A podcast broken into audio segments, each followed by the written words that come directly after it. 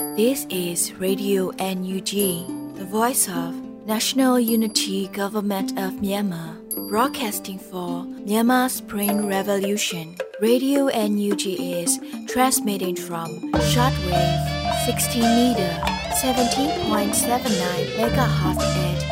8:30 a.m. and 25 meter 11.94 megahertz at 8:30 p.m. Myanmar Standard Time. မင်္ဂလာပါရှင်အမျိုးသားညီညွတ်ရေးအစိုးရရဲ့အတန်လွတ်ဌာနရေဒီယို NUG ကိုမန္တပိုင်း၈နိုင်ခွဲမှာလိုင်းတူ6မီတာ19.7ခွန်ကုန်းမဂါဟတ်စ်နဲ့ညပိုင်း၈နိုင်ခွဲမှာလိုင်းတူ25မီတာ17.6ကိုလီမဂါဟတ်စ်တို့မှာဓာတ်ရိုက်ဖမ်းယူနားဆင်နိုင်ပါပြီရှင်မင်္ဂလာအပေါင်းနဲ့ကြည့်ကြကြပါစို့အခုချိန်ကစပြီး Radio NUG စီစဉ်လေးကိုဓာတ်ရိုက်အတန်းနဲ့ပြင်နေပါပြီ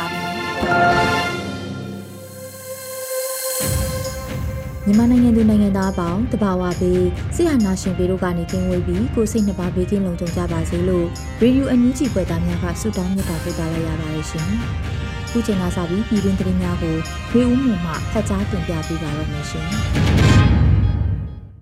မင်္ဂလာညချမ်းပါရှင်။ခုချိန်ကစပြီးတော့နောက်ဆုံးရပြည်တွင်းသတင်းတွေကိုတင်ဆက်ပေးသွားမှာပဲဖြစ်ပါတယ်။ကျွန်မကတော့ຫນွေဦးမောင်ပါ။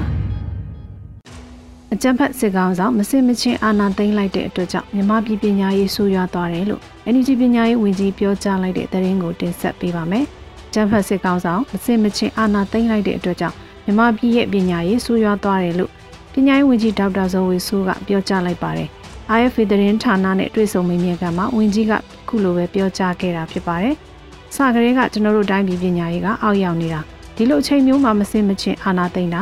သူတယောက်ကအာနာသိမ့်လိုက်လို့ကျွန်တော်တို့ပညာရေးအသိကိုစိုးသွားတာလို့ဝန်ကြီးဒေါက်တာဇော်ဝေဆိုးကပြောပါရယ်။ဒါအပြင်မြို့သားညီညွတ်ရေးအစိုးရအနေနဲ့ကြောင်းတစ်ခါမှမပိတ်ခဲ့ပဲကလေးများစင်ဆက်မပြတ်ပညာသင်ကြားရေးကိုသာဦးစားပေးခဲ့တယ်လို့ဝန်ကြီးကဆိုပါရယ်။မြို့သားညီညွတ်ရေးအစိုးရပညာရေးဝန်ကြီးဌာနနဲ့ချိတ်ဆက်ကပြည်သူပညာရေးဖော်ဆောင်နေတဲ့ online ကျောင်းစုစုပေါင်း90တကျောင်းရှိပြီးမြေပြင်သင်ကြားရေးအနေဖြင့်လည်းရန်ကုန်မန္တလေးစကိုင်းမကွေးပဲခူးအေရဝတီတနင်္သာရီကချင်ကယားကရင်ချင်း မွန်ရှမ်းစတဲ့ဒေသတွေမှာပြည်သူအခြေပြုစာသင်ကျောင်းများဖွင့်လှစ်သင်ကြားလျက်ရှိပါတယ်ရှင်။အကြံဖတ်စစ်တပ်ကိုရသလိုတော်လန်နေကြတဲ့ပြည်သူလူထုအများစုစိတ်တဲ့ကြောင့်အောင်မွေးကမဝေးတော့ပါဘူးလို့လူအခွင့်အရေးရာဝန်ကြီးပြောဆိုလိုက်တဲ့သတင်းကိုလည်းတင်ဆက်ပေးပါမယ်။ကြံဖတ်စစ်တပ်ကိုရသလိုတော်လန်နေကြတဲ့ပြည်သူလူထုအများစုရဲ့စိတ်တဲ့ကြောင့်အောင်မွေးကမဝေးတော့ပါဘူးလို့လူခွင့်ရေးရာဝန်ကြီးဦးအောင်မျိုးမင်းကဇွန်လ25ရက်နေ့လူမှုကွန်ရက်မှာရေးသားပြောကြားခဲ့ပါတယ်။ လွန်ခဲ့တဲ့9နှစ်ကစကိုင်းတိုင်းဒေသကြီးမှလွတ်တော်ကိုယ်စားလှယ်များအတွက်အစီအစဉ်မှာပါဝင်လှုပ်ဆောင်ခဲ့ပါတယ်။လူအခွင့်ရေးဒန်းတူညီများရေးဖွံ့ဖြိုးရေးအတွက်အိမ်မက်တွေမျှော်လင့်ချက်တွေအပြည့်နဲ့လှုပ်ဆောင်ခဲ့ကြတယ်။ခုတော့ချစ်ခင်ရင်းနှီးရတဲ့ပြည်သူကိုယ်စားလှယ်တွေလည်းစိန်ခေါ်မှုမျိုးမျိုးကြားမှာတော်လှန်ရေးကိုပုံစံပြောင်းဆင်နွှဲနေကြ။စကိုင်းတိုင်းပြည်သူတွေမှာလည်းဂျမ်ဖတ်စစ်တပ်ရဲ့ရက်စက်မှုကိုခါစီခန့်နေရတယ်။ဒါပေမဲ့ဂျမ်ဖတ်စစ်တပ်ကိုရသလိုတော်လှန်နေကြတဲ့စိတ်ဓာတ်ကြောင့်အောင်ပွဲကမဝေးတော့ပါဘူးလို့ဝန်ကြီးကပြောပါတယ်။ 2021ခုနှစ်စက်တင်ဘာ9ရက်နေ့မှာတနိုင်ငံလုံးခုခံတော်လှန်စစ်စတင်မှုမြို့သားညီညွတ်ရေးအစိုးရကကြေညာခဲ့ပါတယ်ရှင်။နေပြည်တော်ချုပ်ထောင်ထောင်ပိတ်ချိန်မှာချုပ်နှောင်ခံရသူများဒေါန်ဆန်းစုကြည်ကိုရွေးခွန်အားဖြင့်မိငယ်တချင်းတန်မြိုင်တည်ဆိုခဲ့တဲ့တဲ့ရင်ကိုဆက်လက်တင်ဆက်ပေးကြပါမယ်။ဇွန်လ24ရက်ည9:00နာရီမှနေပြည်တော်ချုပ်ထောင်တွင်ထောင်ပိတ်ချိန်မှာချုပ်နှောင်ခံထားရသူများကဒေါန်ဆန်းစုကြည်ကိုရွေးပြီး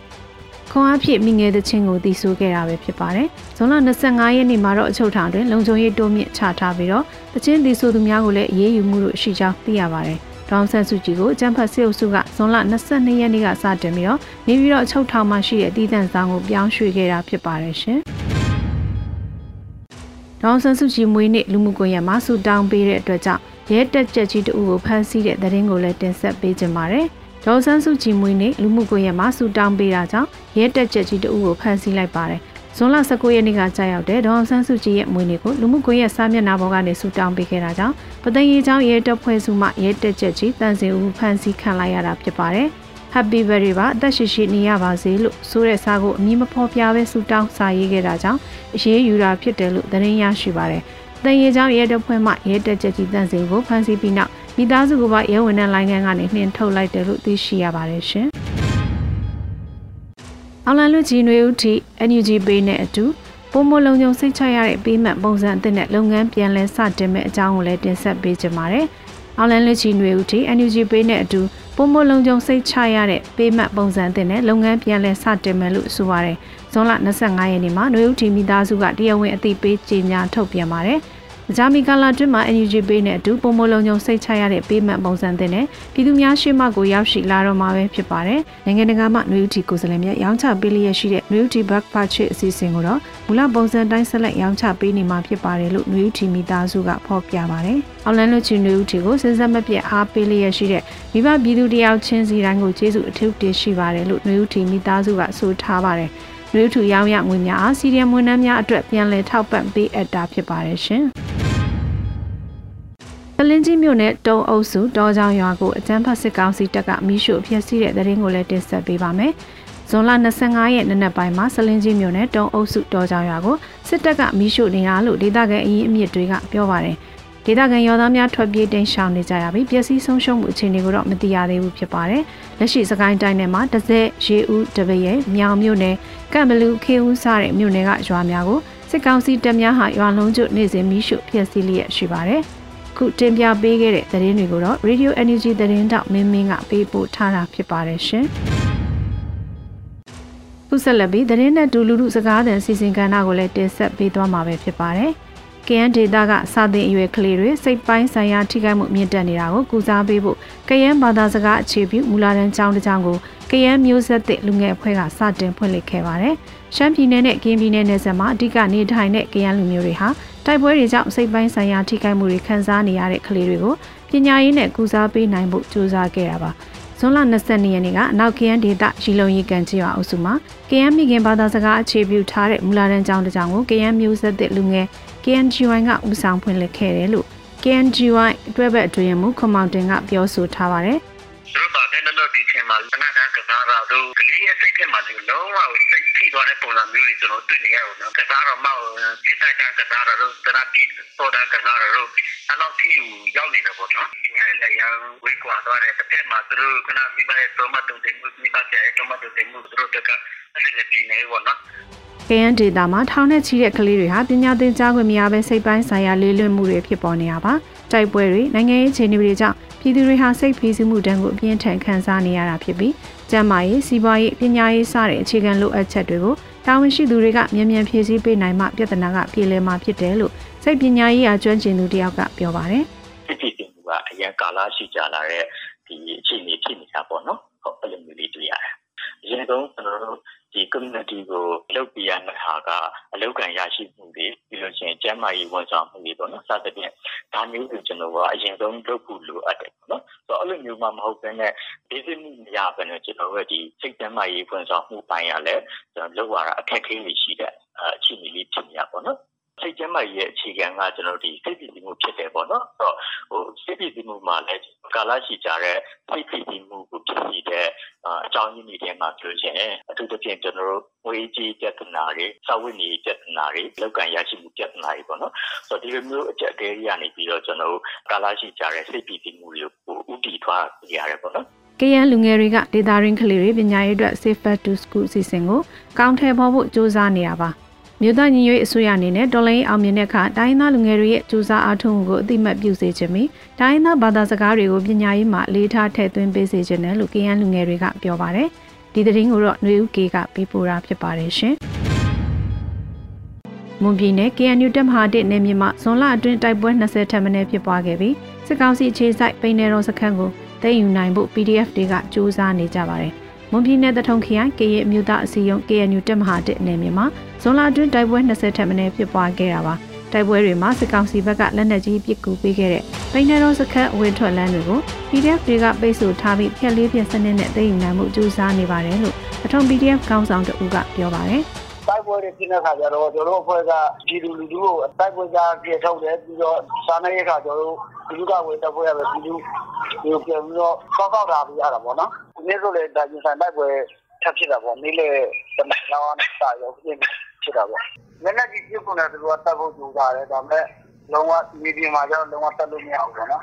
ပိနေတော့စခန်းဆိုတာရှိတယ်တို့တို့သတင်းပြရတော့တော့ဒီဒီလာထဲမှာမှသူတို့ထားဖို့မပုံနိုင်အဲ့ဒီစခန်းကပွဲတွေကတော့ဟိုအလံထူထောင်ပြီးတော့ဒီလိုပဲလက်မချတော့ဘူးလို့သတင်းရတာပေါ့နော်သူတို့မှကဒီတမရိတ်ကရောလက်နက်ခဲရံကိုအရန်ကိုနေသွားတဲ့ပုံဖြစ်နေတာပေါ့ဒီဘက်ကကျွန်တော်တို့ဘက်ကလုံးဝနန်းကျော်တစ်ခုခုမှတက်ခွင့်မရအောင်ကျွန်တော်ဖိတ်ထုတ်ထားနိုင်တာပေါ့လို့ပြောရတော့ဒီလာထဲမှာဆိုတာကျွန်တော်နဲ့ဒီမှာတက်ခွင့်က အချိန်နဲ့ဆယ်ဟမနေပေါ့နော်အဲ့ဒီလိုသူတို့တက်ဖို့ကြိုးစားတဲ့မိုင်းကြီးတယ်စနိုက်ပါနဲ့ရှိတယ်အဲ့လိုမျိုးဆိုသူလုံးဝတက်ခွင့်မရရတာသူတို့တက်ဖို့အင်အားစုနေပြီမဲ့လုံးဝတက်ခွင့်မရတဲ့အနေထားပေါ့အဲ့လိုဖြစ်နေတာမွန်ပြည်နယ်ကမြို့ပေါ်နေရာတွေကိုတော့စစ်ကောင်စီကအင်အားများပြားနဲ့ထိန်းချုပ်ထားဆဲဖြစ်ပါတယ်။ဒေတာရင်း PDF တွေကလည်းအခွင့်အရေးရရင်ရတယ်လို့ဖောက်ခွဲတိုက်ခိုက်တာတွေပြုလုပ်ခဲ့ပါတယ်။မွန်ပြည်နယ်ကအစိုးရဌာနတွေနဲ့ဗန်တွေကိုစစ်ကောင်စီကလုံခြုံရေးအပြည့်ချထားပြီးသူတို့ရန်ရလဲပတ်နိုင်အောင်ကြိုးစားနေပါတယ်။ ဒီအကြောင်းကိုတော့မူရုံမြို့ကန်တအူးကအခုလိုပြောဆိုထားပါတယ်။ဗန်တို့လက်ရှိရုံတို့အုပ်ချုပ်ရေးမှုရုံတို့မှာသူတို့လုံခြုံရေးတွေတင်းတင်းကြပ်ကြပ်ထားရတယ်။ဗန်တို့ဆိုအစိုးရဗန်တို့ဆိုဒီမှာလဲ CV ဗန်တို့မှာလဲလုံခြုံရေးတွေတင်းချတင်းတင်းကြပ်ကြပ်ချထားတယ်ရှိတယ်။တခြားလောက်ကြမှုရတယ်ဆိုလို့ရှိရင်တော့ဘုတော့မှာအတန်တစ်ခုဂျာလောက်ချမှုတစ်ခုဂျာတန်နဲ့မတင်ကြရကောင်းတဲ့ပြည်သူလူထုလည်းမတရားဖန်တီးရတာလက်ရှိရှိနေတယ် အခုလက်ရှိကတော့ဒုက္ခကြီးကြီးကျခံနေရတာတော့မီတာကလည်းမတရားသိုးပေါက်နေပြီးတော့မိဖို့လည်းပုံမှန်မပေးဘူးအချို့ရက်ွက်လေဆိုလို့ရှိရင်အချိန်ပိုင်းနဲ့ပေးပြီးအချိန်ပိုင်းနဲ့ပဲကျန်တာဒီလိုမျိုးတွေခံစားနေရတယ်ကုန်စည်နှုန်းတွေမတရားသိုးတက်တယ်မွန်ပြည်နယ်တထုံခရိုင်တပ်မဟာတင်နေမြေဟာ KNU ကပထဝီစီရေးဗျူဟာအရထိန်းချုပ်ထားတဲ့နေမြေဖြစ်ပါတယ်။မြမပြည်အောက်ပိုင်းတကြောလုံးကိုတွာလာဖို့အရေးပါတယ်။မွန်ပြည်နယ်ကနေ KNU ဗဟိုဘုတ်သတင်းအချက်လက်တွေထောက်ပို့ပေးတဲ့နေမြေလည်းဖြစ်ပါတယ်။ဒီသတင်းကိုတော့ຫນွေဦးကေကပေးပို့ထားတာဖြစ်ပါတယ်ရှင်။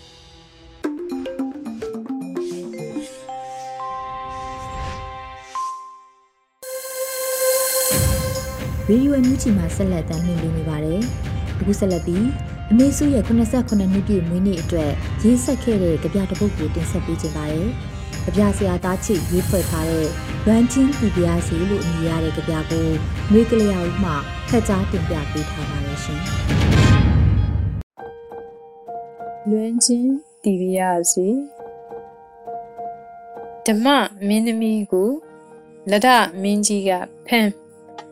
တဂရိတရားနဲ့သူကိုအဂရိတရားနဲ့ဆွဲမှန်တဲ့သူကိုမမှန်တဲ့သူတွေကစစ်ရိုးသားတဲ့သူကိုခိုးစားတဲ့သူတွေကချုပ်ဥပုတ်တဲ့လူရုပ်တွေကဘယ်လိုဖမ်းဘယ်လိုဆွဲဘယ်လိုစစ်ဘယ်လိုချုပ်ပြည်သူတွေနှုတ်ကလှုပ်လို့မသေးခုတ်လို့မခွေးမြုပ်လို့မနေ ကျုပ်တို့အမေဆိုတာဆွဲနေရမှုအမုန်းတရားမဲ့အပြိုးများနဲ့ပြစ်သားတဲ့မျက်နှာထားတဲ့ပန်းတွေနဲ့လမ်းဝေတဲ့အမိကူသာစောင့်မျောရင်းလွမ်းချင်းခဏတီးပြရစီအမေတာချစ်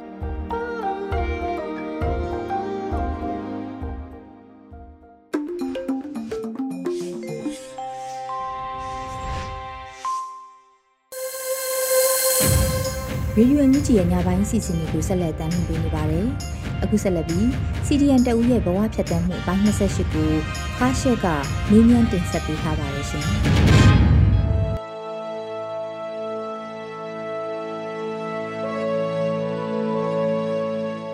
မင်္ဂလာပါခင်ဗျာမင်္ဂလာပါရှင်ဟုတ်ကဲ့ပါခင်ဗျာ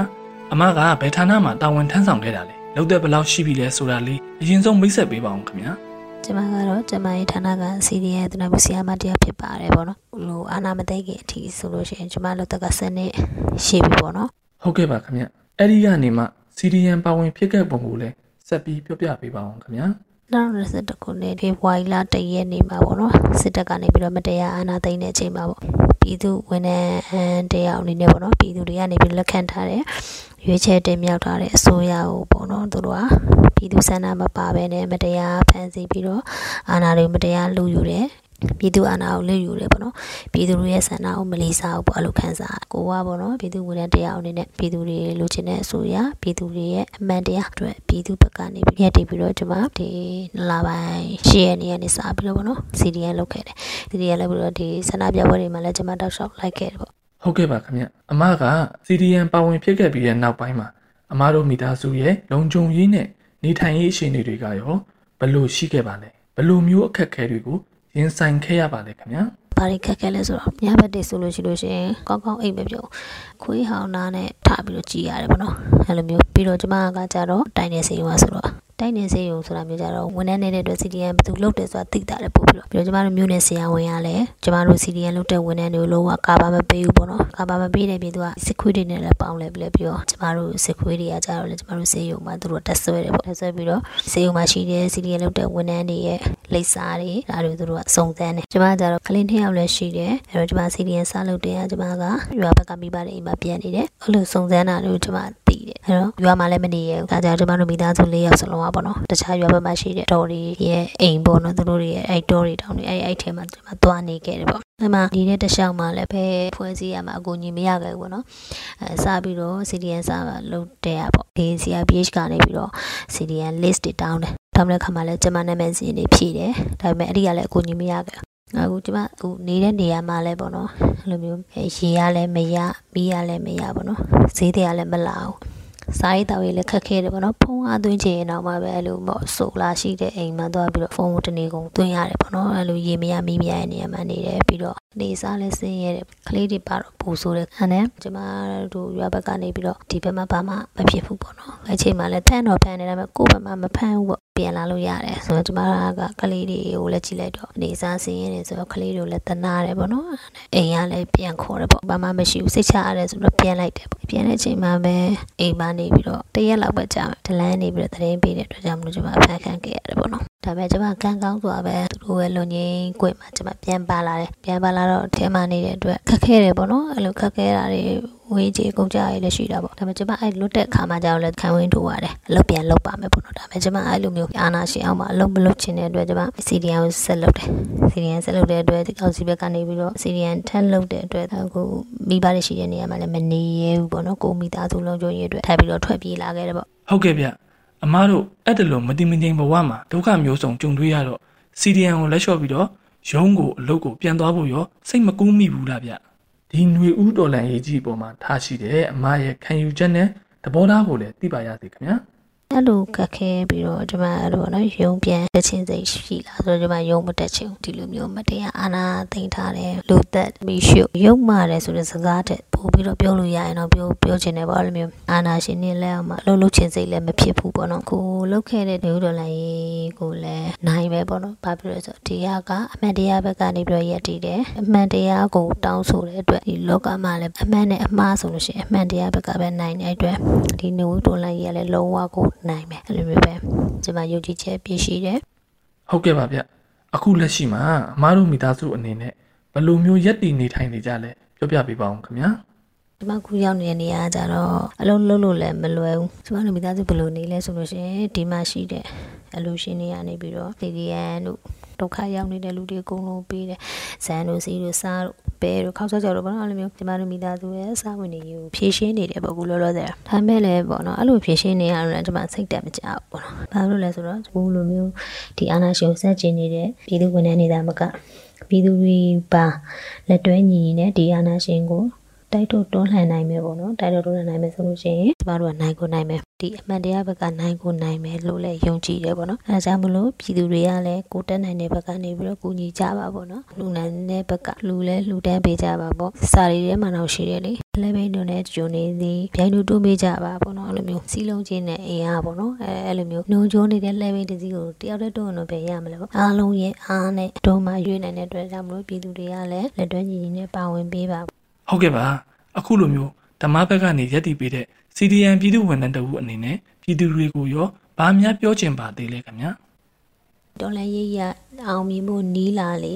ကျမတို့ကဆုံးရှုံးမှုတွေပို့ပြီးတော့များလာမယ်ပေါ့နော်များလည်းများလာနိုင်တယ်ပေါ့ဘယ်သူကဖန်ခံတယ်ဘယ်သူကအသက်ခံတယ်အားဘယ်ရွာမှာတော့ဗီဒီယိုရှိုးသွားတယ်အိမ်ကြီးတော့ဘလောက်ပါသွားတယ်အဲ့ဒါတွေကိုလိုက်ကြည့်ပြီးတော့စိတ်တက်ကြနေမဲ့အစားပေါ့နော်အာငါတို့ကဒီလိုမျိုးငါတို့သာမညီဘူးငါတို့ပြည်သူတွေရောလက်တွဲညီဒီအာနာရှင်ယူမတွန်းလှန်ဘူးဆိုလို့ရှိရင်မတရားမှုဟာကိုယ့်ရဲ့အိမ်တကားကိုလည်းလာခောက်မှာပဲအဲ့တော့ငါတို့ ဒီအာနာရှင်ကိုတက်ညီလက်ညီတွန်းလှန်ရမယ်တွန်းလှန်မှလည်းငါတို့နိုင်ငံရဲ့အနာဂတ်လည်းကောင်းမယ်ငါတို့ကလေးတွေရဲ့အနာဂတ်လည်းကောင်းမယ်မြန်မာနိုင်ငံရဲ့အနာဂတ်လည်းပို့ပြီးတော့ကောင်းလာမယ်အဲဒီအတွက်ဒီအာဏာရှင်ရှိနေသူတွေကျမတို့အေးချက်ချက်နေနိုင်မှာလည်းမဟုတ်ဘူးအေးချမ်းဆိုတာလည်းကျမတို့ရှိမှာမဟုတ်ပေါ့နော်အဲ့တော့ကျမတို့ပြည်သူတွေရောပြည်သူဝန်ထမ်းတွေရောအားလုံးဟာလက်တွဲညီညီနဲ့တွန်းလှန်ကြပါလို့ပြည်သူတွေကိုလည်းပြောချင်ပါတယ်ပေါ့နော်ဟုတ်ကဲ့ခင်ဗျဆက်ပြီးတော့ ကိုနဲ့ဘဝတူ CDN တွေကိုရောဘယ်လိုမျိုးစိတ်သက်ခွန်အားတွေပေးခြင်းပါသေးလဲခင်ဗျာ ကိုနဲ့ဘုံဝတို့ရှိတဲ့ CDN တွေကိုလည်းစိတ်တက်မကြပါနဲ့ပေါ့နော်လက်ရှိအခြေအနေမှာကိုကလည်း CDN ဆိုတော့ CDN ရဲ့ခက်ခဲမှုပေါ့နော်ဘယ်လိုခက်ခဲလဲဆိုတာကိုလည်းနားလည်တယ်ပေါ့နော်အဲ့တော့ခက်ခဲတာတော့သိတယ်သိပေမဲ့လည်းကိုနေတဲ့နေရာပေါ့နော်ကိုရောက်နေတဲ့နေရာမှာလှုပ်လို့လို့ရမယ်ဆိုလို့ရှိရင်လည်းလှုပ်ပေါ့နော်အဲ့ဒီလှုပ်လို့တဲ့ခါမှာဆိုလို့ရှိရင်ကိုကမျက်စိဖွင့်နားဖွင့်ပြီးတော့နေပေါ့ဒီတိုင်းအလုပ်ခေါ်တယ်ဆိုပြီးတော့ရှောက်လိုက်လို့လည်းမဖြစ်ဘူးအဲ့တော့ကိုကကိုယ့်ရဲ့လုံခြုံမှုကိုလည်းဦးစားပေးပေါ့နော်ပြီးလို့ရှိရင်ကျမတို့ကပေါ့နော်ဒီအမှန်တရားဘက်ကနေရက်တည်နေတဲ့ပြည်သူဝင်တဲ့စစ်စစ်တွေဖြစ်တဲ့အတွက်ပြည်သူတွေရဲ့အောင်ပွဲနဲ့အတူကိုယ့်ရဲ့ဌာနကိုပြန်ရမှာပါကျမတို့တစ်ချိန်ချိန်မှတော့ပြန်ရမှာပေါ့နော်အခုချိန်မှတော့သိခံပေးပါကိုအောင်မြင်ဖို့လက်တကမ်းလိုနေတဲ့အချိန်မှာပေါ့နော်အားတင်းထားပါကိုယ်တိုင်လည်းအားတင်းနေတယ်ပေါ့နော်နိုင်ကိုနိုင်ရမယ်ဒီဒေါ်လာရေးမအောင်မြင်မချင်းကျမတို့ဆက်ပြီးတော့တောက်ခံထားဖို့လိုပါတယ်ပေါ့ဒါမှကျမတို့နိုင်ငံကြီးကအမောင်တူတွေကနေပြီးတော့ရုပ်ထွက်နိုင်မှာပါပေါ့နော်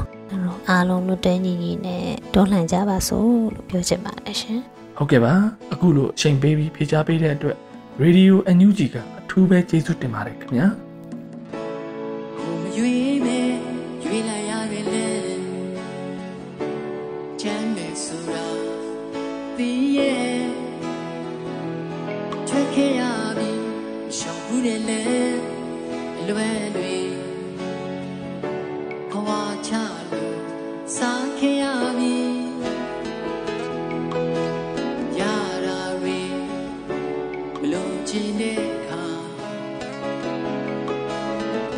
记得。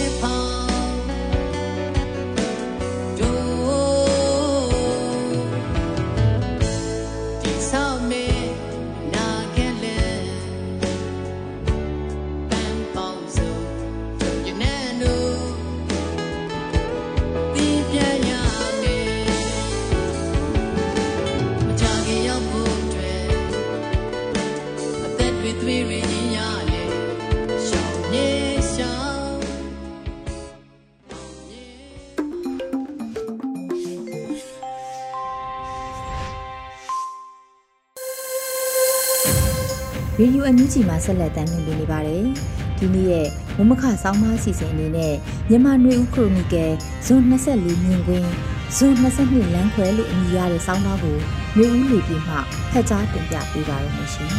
။ဇွန်လ22ရက်နေ့မှာဒေါအောင်ဆန်းစုကြည်ကိုနေပြည်တော်အကျဉ်းထောင်ကိုပြောင်းရွှေ့လိုက်ပြီးတဲ့နောက်မြန်မာပြည်သူတွေအတွက်အလွန်နာကြီးစရာစိတ်မကောင်းစရာနေ့ရက်ဖြစ်တယ်လို့မြန်မာပြည်ရင်းကလူပုဂ္ဂိုလ်တချို့ကသဘောထားထုတ်ဖော်ပြောဆိုလာကြပါတယ်။ 2015နဲ့2020ရွေးကောက်ပွဲအနိုင်ရတဲ့ပါတီခေါင်းဆောင်ကိုစစ်ကောင်စီကအမှုမျိုးစုံနဲ့လှုပ်ကြံတရားစွဲပြီးထောင်ဒဏ်တွေအများပြားချမှတ်လိုက်တာအပြင်ရခင်ကလိုအကျယ်ကျုံတဲ့နေအိမ်မှာထားခဲ့တဲ့အစင်လာကိုဖျက်သိမ်းပြီးနေပြည်တော်ကအကျဉ်းထောင်မှာထားရှိလိုက်တာဖြစ်ပါတယ်။ရွေးကောက်ပွဲအနိုင်ရ NLD ပါတီခေါင်းဆောင်အများပြားကိုဖမ်းဆီးထိန်းသိမ်းအမှုဆွဲထောင်ချထားပြီးတဲ့နောက်ပြည်သူလူထုတခဲနဲ့ထောက်ခံမှုနဲ့1988အရေးတော်ပုံကနေအစဉ်အဆက်တိုက်ပွဲဝင်ခဲ့တဲ့ NLD ပါတီနဲ့ပါတီဝင်တွေအပေါ် စစ်ကောင်စီရဲ့သဘောထားနဲ့ဆက်ဆံရေးကလည်းအပြည့်ထွက်နေပြီလို့ဆိုရမယ်ထင်ပါတယ်။ NLD ပါတီကအစင်တစိုက်တရားဝင်ပါတီတရက်အဖြစ်ဆိုတဲ့ရှုထောင့်ကနေရပ်တည်ပြီး2020ရွေးကောက်ပွဲအတိအမှတ်ပြုရေးလွတ်တော်ခေါ်ဆိုရေးနိုင်ငံရေးအကျဉ်းသားများလွတ်မြောက်ရေးကိုသာတောင်းဆိုနေခဲ့ပါတယ်။ NLD ပါတီကိုယ်တိုင်ကတော့သူ့ပါတီဝင်အများပြားလဲပါဝင်ဖွဲ့စည်းထားတဲ့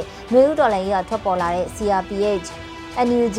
NUCC အစုအဖွဲ့အင်အားစုတွေကိုပါတီတရဲ့အနေနဲ့ကြားကြတဲ့ဆက်ဆံရေးကိုထားခဲ့ပါတယ်။ ပါတီဝင်တွေရဲ့လွတ်လပ်တဲ့ရွေးချယ်မှုအဖြစ်သဘောထားပြီးပါတီသဘောထားပြောဖို့အခြေအနေမရှိသေးဘူးလို့သာပြောခဲ့ပါတယ်။အခုသူတို့ခေါင်းဆောင်ပြီးတော့ပြည်သူတွေကအမျိုးသားခေါင်းဆောင်ဖြစ်သတ်မှတ်ထားတဲ့ဒေါအောင်ဆန်းစုကြည်ကိုတရားစွဲအမှုစဉ်စစ်ဆေးနေရကနေထောင်ဒဏ်တွေချမှတ်ပြီးအကျဉ်းထောင်ကိုပို့ဆောင်လိုက်ပြီးဖြစ်တာမို့ပါတီတရဲ့အနေနဲ့လည်းပြက်ပြက်သားသားစစ်ကောင်စီကိုရင်ဆိုင်ဖို့လန်တလန်တော့ရွေးရလိမ့်မယ်ထင်ပါတယ်။ စစ်ကောင်စီကိုရင်ဆိုင်ဖို့နှွေဦးတော်လှန်ရေးအင်အားစုများကလက်နက်ကင်ခုခံတော်လှန်ရေးအခြေခံဥပဒေအသစ်ရေးဆွဲရေး Federal Democracy ပြည်ထောင်စုထူထောင်ရေးတို့ကိုရွေးချယ်ထားပြီးဖြစ်ပါတယ်။စစ်ကောင်စီကလည်းလက်နက်ကင်ခုခံတွန်းလှန်မှုမှန်သမျှကိုပြင်းပြင်းထန်ထန်ရရဆက်ဆက်ချေမုံနှိမ်နင်းဖို့စ조사နေပါတယ်။စီရေးမှာအချိန်ဆွဲတာအကြက်ကင်တာတစကန်ထားတာကြောင်ပိတ်တာဖြတ်တောက်ပိတ်ဆို့တာတွေနဲ့မြေလံပစ်တာတွေကိုစစ်မှတ်ဒေသတွေမှာဆောင်ရွက်နေပါတယ်။ စစ်ကောင်စီရဲ့လက်နက်ကင်လက်ပါစီတွေအားလုံးကလည်းဥပဒေမဲ့ဖမ်းဆီးနှိပ်စက်တပ်ဖြတ်ဖို့လက်မြွန့်ကြဘူးဆိုတာတက်သေးတွေမြင်နေကြရပါတယ်။စစ်ကောင်စီကသူ့ကိုစန့်ကျင်သူမှန်သမျှကိုတက်ညာနေမှာမဟုတ်ဘူးဆိုတာလည်းပြသပြီးဖြစ်ပါတယ်။အဲ့လိုပဲနိုင်ငံရေးစစ်မျက်နှာမှာစစ်ကောင်စီကအတိုက်ခံဟူသမျှကိုအချိန်ဆွဲတာအကြက်ကင်တာဒဇာကန်ထားတာတွေလုပ်တာအပြင်ကြောင်ပိတ်တာဖျက်တောက်ပိတ်ဆိုတာတွေကိုလည်းစစ်အုပ်စုကကျွမ်းကျင်စွာအသုံးချတယ်လို့ဆိုနိုင်ပါတယ်။ ဒေါအောင်ဆန်းစုကြည်နဲ့တကွပြည်ရင်းမြေပေါ်မှာရပ်တည်နေကြတဲ့နိုင်ငံရေးပါတီတွေနဲ့အင်အားတွေကိုသာမကအင်ကြီးချင်းနိုင်ငံတွေနဲ့ပါအချိန်ဆွဲအကြက်ကတစားကန်ထားပြီးတော့တဆင်ချင်းအကြက်ကင်ပိတ်ဆို့တာတွေလှုပ်ဆောင်နေရကအခုတော့အားလုံးစောင့်ကြည့်နေတဲ့နိုင်ငံရေးပြရုပ်တစ်ခုဖြစ်တဲ့ဒေါအောင်ဆန်းစုကြည်ကိုထောင်သွင်းအကျဉ်းချလိုက်ပါပြီ။နိုင်ငံရေးနည်းနဲ့စိတ်ဆက်ဆွေးနွေးအဖြေရှာရေးမိတ်ဆွေဖွဲ့ရေးဆိုတာကိုမြေလံလိုက်ပြီလို့ပြောနိုင်ပါတယ်။တနည်းအားဖြင့်ဆိုရရင်2020ရွေးကောက်ပွဲရလဒ်ကို တရားဝင်ဖျက်သိမ်းလိုက်တာအပြင်မြေပေါ်မှာရပ်တည်နေတဲ့နိုင်ငံရေးအင်အားစုတွေခေါင်းဆောင်တွေအားလုံးကိုလည်းစစ်အုပ်စုအနေနဲ့သူတို့လက်ခုပ်ထဲကရေလိုကြိုက်တယ်လို့လွတ်ပစ်နိုင်တယ်ဆိုတာထင်ထင်ရှားရှားသက်သေပြလိုက်တာဖြစ်ပါတယ်။စစ်အုပ်စုရဲ့ဒီလိုအလုပ်ရက်ကိုမြန်မာပြည်တွင်းမှာလူလူတော်မှာလူလူစိန်ဝင်းနဲ့ဟန်တာရီဦးဝင်းတင်တို့သာတက်ရှိထင်ရှားရှိနေသေးရင်သူတို့ကတော့ပြင်းပြင်းထန်ထန်ဝေဖန်ကြမှာဖြစ်ပါတယ်။အခုကတော့ခေါင်းဆောင်ရဲ့လို့ထင်ထင်ရှားရှားလက်ညှိုးထိုးမပြနိုင်တဲ့ NLD ပါတီက ပြင်းထန်တဲ့တုံ့ပြန်မှုမလုပ်နိုင်သေးပါဘူး။ရက်ကွက်ထဲမှာဘယ်သူမှထိမ့်သိမ်းလို့မရတဲ့လူမိုက်လမ်းမော်ထွက်ရန်ကားနေချိန်မှာလူကြီးတွေကမကကလေးတွေကခွေးတွေကိုကိုယ့်နေရာမှာကိုငင်းငင်းလေးနေထိုင်နေကြတဲ့ပုံသဏ္ဍာန်နဲ့တူနေပါတယ်။မြန်မာပြည်ကမြေပေါ်လှုပ်ရှားမှုများအင်အားစုများခေါင်းဆောင်များကိုယ်တိုင်ဒီအချိန်မှာမီးစင်ကြည့်ကနေရတယ်လို့အခြေအနေကိုစောင့်ကြည့်နေကြရတဲ့ပုံစံပါ။စာဝင်နေရေးအတွက်စစ်အုပ်စုမျက်စိအောက်မှာ လှုပ်ရှားရုန်းကန်နေရသူပြည်သူလူထုတွေကိုယ်တိုင်ကလည်းမခံကျင်စိတ်တွေကိုမျိုးသိပ်ပြီးရင်ဆိုင်နေကြရရုံသာရှိပါတယ်။ပြည်တွင်းမှာတရားဝင်ပုံနှိပ်ထုတ်ဝေနေကြတဲ့ပုဂ္ဂလိကစားဆောင်များကိုယ်တိုင်ကလည်းနှွေဦးတော်လှန်ရေးနဲ့စစ်ကောင်စီရဲ့ကျူးလွန်နေမှုများကိုတိုက်ရိုက်ဖော်ပြခြင်းမရှိဘဲမိမိဘာသာစင်စာလုပ်ထားမှသာဆက်လက်လက်ပတ်နိုင်မှာဖြစ်တာကိုကောင်းကောင်းသိထားကြပုံပါပဲစစ်ကောင်စီလက်အောက်မှာတရားဥပဒေနဲ့တရားမျှတမှုမရှိတော့တဲ့နောက် စစ်ကောင်စီရဲ့လက်နက်ကင်တွေအောက်ကလက်နက်မဲ့ပြည်သူတွေနဲ့တက်ကြွလှုပ်ရှားသူအင်အားစုတွေအတွက်ဘာမှအာမခံချက်မရှိဘူးလို့ဆိုနိုင်ပါတယ်။ဇွန်22ကမြန်မာပြည်သူတွေအတွက်လမ်းကွဲတစ်ခုဖြစ်ပါတယ်။အမျိုးသားပြည်လည်တင့်မြတ်ရေးကိုဦးထိပ်တင်ပြီးစစ်အုပ်စုနဲ့စိတ်ဆက်ညှိနှိုင်းရေးနိုင်ငံရေးမျက်နှာစာမှာစစ်အုပ်စုကိုတဆင်ချင်းကန့်သက်နိုင်ရေးလမ်းစဉ်ကိုဥဆောင်လုပ်ကင်ခဲ့တဲ့ဒေါအောင်ဆန်းစုကြည်ကိုယ်တိုင်ကိုစစ်အုပ်စုကပြက်ပြက်သားသားဖယ်ရှားလိုက်ပါပြီစစ်အုပ်စုကဓားထားခြင်းလှန်လှန်ခြင်း ထိတ်တိုက်ရင်ဆိုင်ရေးအလုံးစုံပြတ်သုံးရေးလမ်းကိုမမိတ်မတုံရှောက်လန်းနေချိန်မှာမိမိတို့အနေနဲ့စစ်အာဏာရှင်စနစ်ကိုအလုံးစုံဖျက်သိမ်းရေးလက်နက်နဲ့ခုခံကာကွယ်တွန်းလှန်ရေးမိမိတို့တိုင်းပြည်မပြိုကွဲအောင် Federal Democracy ပြည်ထောင်စုထူထောင်ရေးကိုဆက်လက်တိုးချဲ့အရှိန်ဟုန်မြင့်ကြမလားဒါမှမဟုတ်စစ်အုပ်စုကိုမလွန်ဆန်ပဲငြိမ်ဝှက်ပြပြစွာနေထိုင်ပြီးဆရာနာရှင်ပေးတဲ့ကြာသနာမှနွားချမ်းသာတဲ့စစ်ဒီမိုကရေစီအမိုးကအောက်မှာပဲရသလောက်လေးတိုးခွေနေထိုင်ကြမလားကိုရွေးချယ်ဖို့လမ်းခွဲဖြစ်ပါတယ်။ ကျမအຫນွေဦးလေးပြပါရှင်။ဒီကနေ့ကတော့ဒီညနေပဲ Radio NUG ရဲ့အစီအစဉ်လေးကိုခေတ္တရနာလိုက်ပါမယ်ရှင်။မြန်မာစံတော်ချိန်မနေ့၈နိုင်ခွဲနဲ့ည၈နိုင်ခွဲအချိန်တွေမှာပြောင်းလဲဆိုပြကြပါလို့ရှင်။ Radio NUG ကိုမနေ့ပိုင်း၈နိုင်ခွဲမှာလိုင်းတူ16မီတာ19တက်တမခုကူမဂါဟတ်နဲ့ညပိုင်း၈နိုင်ခွဲမှာလိုင်းတူ25မီတာ 17တက်တမ9မဂါဟတ်တို့မှာဓာတ်ရိုက်ဖမ်းယူနားဆင်နိုင်ပါပြီရှင်။မြန်မာနိုင်ငံသူနိုင်ငံသားများကိုစိတ်နှဖျားစမ်းမချမ်းသာလို့ဘေးကင်းလုံခြုံကြပါစေလို့ Radio NUG ရဲ့ဖွဲ့သူဖွဲ့သားများကဆုတောင်းလိုက်ရပါတယ်။ San Francisco Bay Area အခြေဆိုင်မြန်မာမိသားစုများနိုင်ငံတကာကစေတနာရှင်များလိုအားပေးများရဲ့ Radio NUG ဖြစ်ပါတယ်ရှင်။အရေးတော်ပုံအောင်ရမည်။ Deus.